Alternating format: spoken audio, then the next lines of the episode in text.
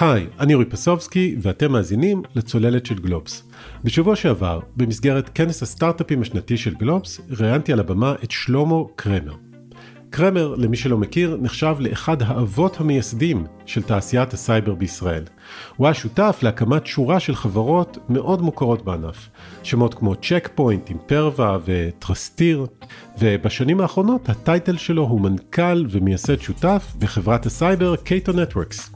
ובנוסף, קרמר השקיע בשורה ארוכה של חברות, חלקן כבר ידועות בפני עצמן. ובריאיון איתו רציתי לנצל את הפרספקטיבה של קרמר, לשאול אותו איך הוא רואה את הרגע הנוכחי, האם יש כאן שידור חוזר של התפוצצות בועת הדוט קום, ומה העצה שלו ליזמים שמנסים לצלוח את המשבר. והיה לו גם מסר מאוד ברור לממשלה החדשה, ומה היא צריכה לעשות כדי לוודא שענף ההייטק ימשיך לשגשג. ההצלחה של ההייטק לפי קרמר תלויה גם במערכת משפט יציבה. וכמובן, דיברנו גם על סייבר. יומיים אחרי שדיברנו אגב, קרמר היה בין חותמי מכתב ששלחו בכירים בתעשייה לראש הממשלה המיועד, בנימין נתניהו, ובו הם הביעו דאגה לנוכח מה שהם כינו ההשלכות ההרסניות למשק בכלל ולתעשיית ההייטק בפרט, העלולות לנבוע ממהלכי החקיקה המתקיימים בימים אלה בכנסת. בקיצור, הייתה שיחה מעניינת והחלטנו להעלות אותה כפרק בונוס כאן בצוללת. אז הנה הרעיון שלי עם שלמה קרמר בכנס הסטארט-אפים של גלובס. האזנה מהנה. שלמה קרמר, בוקר טוב. בוקר טוב. אה, אנחנו שמחים לארח אותך כאן בכנס הסטארט-אפים של גלובס. אה, אז אתה יודע, לפתיחה ככה רציתי לבקש ממך למקם אותנו ברגע הנוכחי. נראה שאנחנו בתחילתו, אולי בעצם כבר בעיצומו של משבר בהייטק? אמ, אם לא הייתי יודע זה היה טוב, הייתי יכול אה, לנצל את זה, אבל הייתי אומר שהמשברים יש להם שלבים אה, אה, קבועים, ויש את השלב הזה שוורלדקום מגיע ואנרון מגיע ולימן מגיע, והפעם ה-FTX הופיע הרבה יותר מהר מהפעמים הקודמות. אז אה, לפחות אה, אה, אני מקווה שזה אומר שהמשבר הולך להיות הרבה יותר מואץ והיציאה ממנו יותר קצרה. כרגע אנחנו מניחים לפחות בקייטו שכל 23 תהיה שנה משברית. כלומר השלב שבו החברות יותר מפוקפקות, המודלים עם סימן שאלה הם אלה שנחשפים? אין שום ספק שבוא נגיד ספרי ה-VC התכווצו וחלק מהחברות אה, אה, ייעלמו לחלוטין. אוקיי, okay, ובתור מי שכאמור עבר את אה, משבר הדוט קום, את 2008, אתה יודע, ראינו בשנים, בשנתיים האחרונות הערכות שווי אסטרונומיות, גיוסי ענק, גם בזבוזים, ועכשיו הפיטורים מגיעים. זה מין שידור חוזר של בועת הדוט קום, או שיש פה משהו שונה בכל זאת? אני חושב שבא, אה, ש, שזה גם דומה וגם שונה, תמיד דימויים זה, זה דבר מסוכן. כן. אה, בהחלט יש הרבה אה, דמיון, באיזשהו exuberance והערכות שווי ו seed ים במאה מיליון דולר וכיוצא בזה שהיה חייב להיות מתוקן. הייתי אומר שההבדל הוא שב dot com חלק גדול של החברות לא היה מודל עסקי אמיתי, נכון. אה, וכאן הייתי אומר שהמוטיב הזה הוא הרבה יותר חלש. יש, רוב החברות יש להם מודל אמיתי, אולי יש יותר מדי חברות על אה, כל נושא, אולי אבלואציות גבוהות מדי, אבל במובן הזה זה טיפה אה, שונה מהדוט קום. כלומר, כן, יש כאן משהו. אם להתעכב על מה שאמרת על 2023, תוכל להרחיב? כלומר, אתה יכול להעריך לאיזה תקופה אנחנו הולכים, כמה זמן היא תימשך בראייתך? אה, אני לא חושב שמישהו יכול אה, לתת תשובה אה, סמכותית, כולל מי שקובע את הריביות היום. כל מה שאני יכול לומר זה שבקייטו אנחנו מתכננים את 23 קשה, ואנחנו עוד נמצאים בתחום הסייבר, שהוא יחסית תחום מוגן וצומח, אנחנו לא רק שלא מפטרים אנשים, אנחנו ממשיכים לגייס אנשים, אה, ממשיכים לצמוח בקצב מאוד מאוד יפה, אבל אנחנו בהחלט אה, אה, רואים איזו קטימה של, של הצמיחה בגלל השוק, וב-24 אנחנו מאמינים שנתחיל לצאת החוצה. יש את האמירה הזאת. ולהפך, אני מאמין שברגע שנצא החוצה, לפחות בסייבר הפרויקטים הם הכרחיים. אז uh, אני מאמין שאנחנו נראה האצה של כל הפרויקטים שהוקטנו, נדחו וכיוצא בזה. זאת אומרת, המטוטלת תעבור לצד השני. כן. אמ, אז אולי עוד ניגע בזה בהמשך, אבל אתה יודע, יש את האמירה הזאת שתקופות שפל זה זמן אה, שאולי יש בו גם הזדמנות אם מחפשים איזה אופטימיות, שזה זמן טוב למשל אה, להקים חברות חדשות, זה משהו שאתה מאמין בו? כן, מאוד. א', אני חייב לומר שבתור משקיע, אה, אתה יודע, להשקיע בסיד ב-100 מיליון דולר, גם אם אתה אוהב את היזמים ואוהב את הרעיון, אני פשוט אישית לא הייתי מסוגל לעשות. יכול להיות שזה היה טעות, אבל אה, אה, לא הייתי מסוגל לעשות. אז, אז בתור משקיע בוודאי שההזדמנות הכי טובות זה one on one, one on one, שההזדמנות הכי טובות הן בזמן משבר. וגם הייתי אומר שהאיכות של ההזדמנויות הן טובות יותר, כי בזמן משבר יזמים שיוצאים החוצה ואומרים אנחנו הולכים עכשיו להתאבד על הרעיון הזה, mm-hmm. זה אנשים עם conviction, ומלכתחילה אה, מגיעים אנשים ב, ב, עם, עם רעיונות יותר טובים ו conviction יותר חזק, מאשר בתקופת ה me too של אה, הוא עשה סטארט-אפ, גם אני אעשה סטארט-אפ. כן, בכל זאת, אבל אתה יודע, יש אנשים שכבר הקימו את החברות, כמו שאתה אומר, גייסו ואולי הקימו כמה, אולי יש כמה חברות שפועלות באותו תחום, איזה עצה היית נותן לאותם יזמים שכבר בשוק עכשיו ומנסים לצלוח את התקופה הזאת? הייתי אומר שיזמות זה מרתון, לא ספרינט, והדרך להתייחס לחוויה היא לטווח ארוך, לטווח של עשר שנים אה, קדימה, ולהתמודד עם זה שיש עליות ויש ירידות, ובאימפרווה היה לנו את 2008, וב-2009 צמחנו מעט, למרות שהיינו בסייבר, וב-2011 הנפקנו. אז אה, זמנים קשים אה, באים ועוברים, צריך להסתכל לטווח ארוך. הזכרת את 2024, דיברת בעבר על השאיפה אה, להנפיק את קייטו נטוורקס, מה לגבי חלון ההנפקות, מתי אתה רואה אותו נפתח? השאיפה האמיתית אה, היא שקייטו תהיה פלטפורמת security ו networking חדשה, תהיה המובילה בתחום הסאסי ותהיה חברה עצמאית לונג טרם. אני, איך שאני מתייחס להנפקה זה בתור אירוע גיוס וזה מיילסטון בדרך, ואנחנו נעשה את זה מתי שהשווקים אה, יאפשרו לנו לעשות את זה.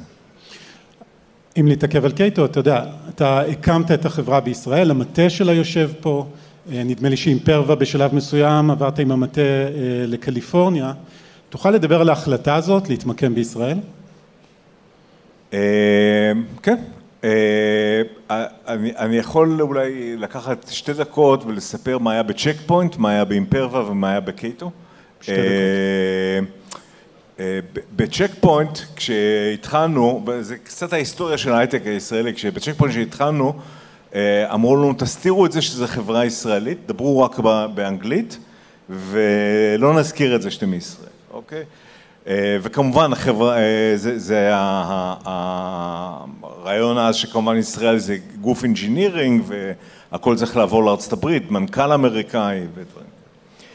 אה, עשר שנים אחר כך באימפרווה, כשגייסתי את הכסף הראשון מאקסל, קרן הון סיכון מובילה ב Valley, מאוד רצו להשקיע, אבל היו מוכנים להשקיע אך ורק אם חברת האם תהיה אמריקאית וכל ה-IP יהיה בחברת האם, וחברת, החברה הישראלית תהיה חברת הבת. אני בכוונה מתעכב על הדברים הטכניים, כי הם חשובים פה. אה, וכשהקמתי את קייטו, התעשייה הייתה כבר בשלה, ה-governance, האמון של המשקיעים אה, הזרים היה כזה, שאפשר היה להקים Headquarter בישראל, עם ההנהלה בישראל, זה מדבר גם על ה ecosystem, אבל זה גם מדבר על מערכת, ה, מערכת החוקים, מערכת המס, כל המערכות המלוות של הסטארט-אפ הבשילו לרמה שגם אפשר להקים את החברה וגם אפשר לגייס כסף, שוב, כסף מה Silicon Valley, אה, אה, למיזם שהוא כולו ישראלי. אוקיי, okay. כלומר נוצרו פה התנאים לעשות את זה. אתה יודע, אם ככה אה, נתחבר בכל זאת למציאות הפוליטית פה בארץ, אנחנו אחרי בחירות, ערב הקמת ממשלה חדשה, מה הממשלה החדשה צריכה לעשות כדי שההייטק ימשיך לפרוח פה, שימשיכו להתקיים התנאים שאתה מתאר? לא לבצע רפורמות שמחלישות את הדמוקרטיה, את מערכת המשפט, את ה-governance ובסופו של דבר את המשקיעים הזרים שכולנו אה, אה, נבנים מההשקעות שלהם והכלכלה הישראלית נבנית מה, מההייטק ש, שצומח מההשקעות האלה. כל, כל פגיעה כזאת תהיה מאוד מאוד מסוכנת לתעשיית ההייטק. זה משהו שמדאיג אותך באופן קונקרטי? זה משהו שאתה שומע או שזה... אז יש שתי שאלות. א', עדיין המודעות לא נמצאת. אני לא קיבלתי שאלות בקשר לתוכניות החדשות אה, למערכת משפט חדשה או ל-governance שונה בישראל. אה, אני אישית מאוד מודאג, כי זה רק שאלה של זמן עד שזה יגיע. וברגע שיש שאלות, אין שאלות. בתחום הזה. אוקיי, okay. אה, תשמע בוא נדבר קצת יותר על סייבר, התחום שבכל זאת אתה מתמחה בו מזה עשורים. אה, אתה יודע, אנחנו תכף בשנה אה, של מלחמה בין רוסיה לאוקראינה, אנחנו רואים יותר מתקפות סייבר, אנחנו רואים את המלחמה גולשת גם לעולם הזה. אה, סליחה, לאיזה עולם? אה, אתה יודע, לעולם המתקפות אה, לא בעולם הפיזי אלא בעולם הווירטואלי. לא, בהחלט, זאת אומרת אם אתה מסתכל נניח, הדרך הכי טובה לענות על זה זה בדרך כמותית, אם אתה מסתכל על היום ארגון ממוצע שמנסה להוציא סייבר אינשורנס פוליסי, הוא ישלם בין פי חמש לפי עשר ממה שהוא שילם לפני חמש שנים. וזה מעיד על היחס בין רמת, ה, על, ה, על הריסק לבל שארגונים נמצאים בהם אה, היום, לעומת לפני חמש שנים. ועל היכולת שלנו בתור תעשייה לתת מענה לזה, אה, שהיא פחות מוצלחת. אנחנו רואים אגב ממשלות בעולם, במיוחד באירופה, אבל לא רק בה, מתעוררות, מתעוררות אולי למציאות שהן צריכות להשקיע הרבה יותר כסף בביטחון, בהגנה. התובנה הזאת, התקציבים האלה, זה משהו שבראייתך יגיע גם לתחום ה corporate שבו אתה או ה enterprise שבו אתה אני חושב שהסייבר הוא תחום אה, לוחמה מאוד מאוד מעניין. היחסים בין אזרח למדינה הם יחסים שבו האזרח אמור לקבל משהו מהמדינה, חינוך, בריאות, ביטחון, כן. ואמור לשלם מיסים כדי לממן את זה ואמור ללכת לצבא ואמור לקיים אה, אוסף של אה, חובות. הדבר קיים בכל, בכל הדברים חוץ מסייבר. בסייבר שזה בהחלט תחום ש... אה, יודע, אם אני בית חולים בחדרה, אני עשוי להיות אה, מותקף, אני אמור להגן על עצמי, והממשלה לכאורה לא, לא מעורבת. אני חושב שהממשלה חייבת להיות מאוד מעורבת, גם בתחום הרגולציה, גם בתחום הבדיקה וה auditing, וגם בתחום המימון אה, של האמצעי security, בדיוק כמו שמממנים טנקים ומטוסים. כשכרגע זה עוד לא שם. וכרגע זה ממש לא שם, והייתי אומר שסייבר באופן כללי, גם בצד ההגנתי הזה, הוא לא שם, וגם בצד ההתקפתי, המדינות אה, בסייבר יכולות לעשות מה שהן רוצות. אין שום אמנה בינלאומית להאם להרעיל את מקורות המים של מדינה זרה, זה התקפה שעומדת בחוק הבינלאומי. אה, לא ידוע לי על אמנה כזאת. כן.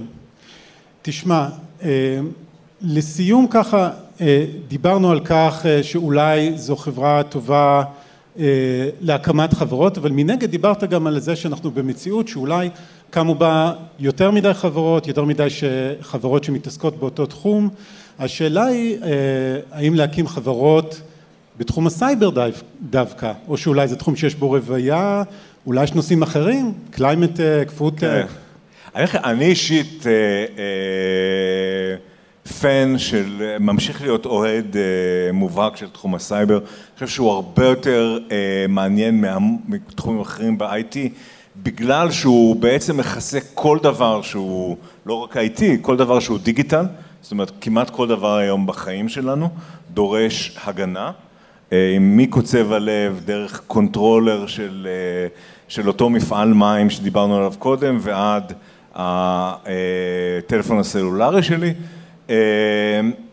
וגם אה, זה תחום שהוא הרבה יותר דינמי מתחומים אחרים, זאת אומרת הוא גם הרבה יותר רחב והוא גם הרבה יותר דינמי כי בעצם אין רק את ה vendor ואת הלקוח, אלא גם יש את ההקר שכל הזמן מחדש, ויש פה איזה red queen race עם ההקר הזה כדי לרוץ קדימה. לכן זה תחום שהוא סופר דינמי, סופר מעניין, ונמשיך לראות הרבה מאוד innovation בו גם בעשר שנים הקרובות.